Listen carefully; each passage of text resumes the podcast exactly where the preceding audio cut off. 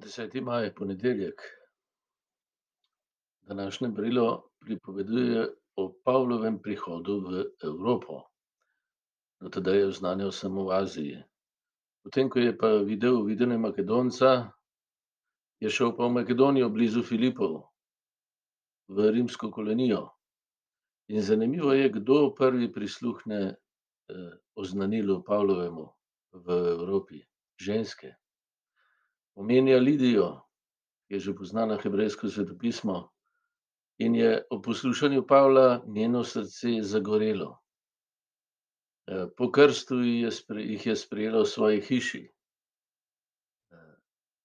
ne pozabimo, da je, prva, ki je sprejela evangelij oziroma Jezusa, dobro novico Boga za človeka, Jezusova mati Marija.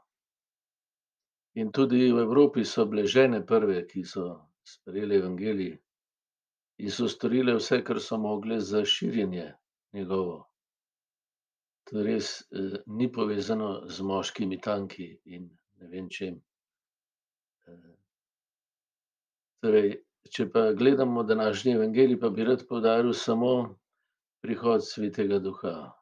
Marija sodeluje s svetim duhom.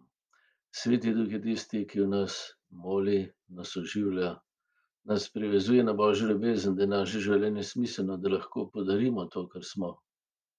Brez njega, resnične ljubezni sploh ni.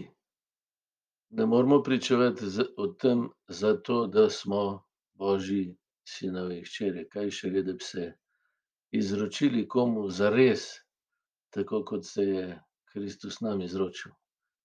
In v to resnico nas sveti duh vedno znova vabi, nas vanjo objame, pomiri naše srce, da tudi mi lahko pričujemo za luč svetega duha, se pravi duha, ki v nas kliče očka, da lahko svoje življenje živimo kot ljubljeni sinovi in hčere.